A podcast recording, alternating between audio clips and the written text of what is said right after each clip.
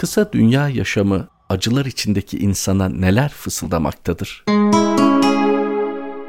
Eğer bu dünya bitimsiz, insan dünyada ölümsüz olsaydı, ahiret gibi muhteşem bir yaşam insanı beklemiyor olsaydı, bu geçici dünyevi dertlerine üzülmekte herkes haklı olurdu.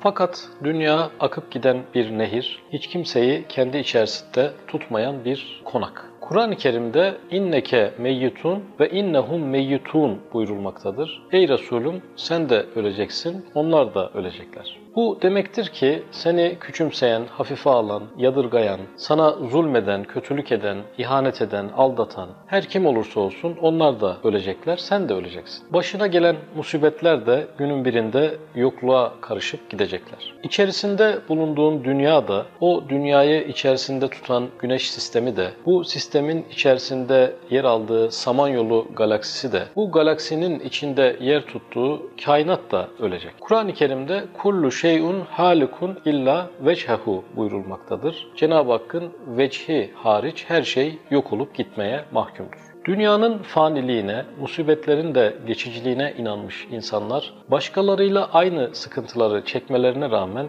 daha mukavemetli ve sorunlar karşısında daha güçlüdürler. Dünyayı kalıcı gören insanın acıları büyür ve yaşadığı sorunlar basit şeyler bile olsa altından kalkılamaz hale gelir. Bu fani dünyada musibetler namına hiçbir şeyi fazla önemsemeye layık değildir. İnsan mutluluklarını da hüzünlerine de bu da geçer yahu diyebilmelidir. Hazreti Musa'nın kederleri üzerinden yaklaşık 3400 yıl geçti. Sokrates'in artık acı çekmiyor olduğu yıl sayısı 2400 yıldan daha fazla. Biteli binlerce yıl olmuş acılarla dolu değil midir mezarlıklar? Bizim çektiğimiz acılar üzerinden de bir yıl geçecek, on yıl geçecek, yüz yıllar ve bin yıllar geçecek ve bu durumda o acıların bize artık etki etmediği yılların sayısı binlere, on binlere varmaya başlayacak. İnsan altından kalkılamaz musibetlerin ağına düştüğünde düşünmelidir ki belli bir süre sonra kendisi de ölecek ve bugün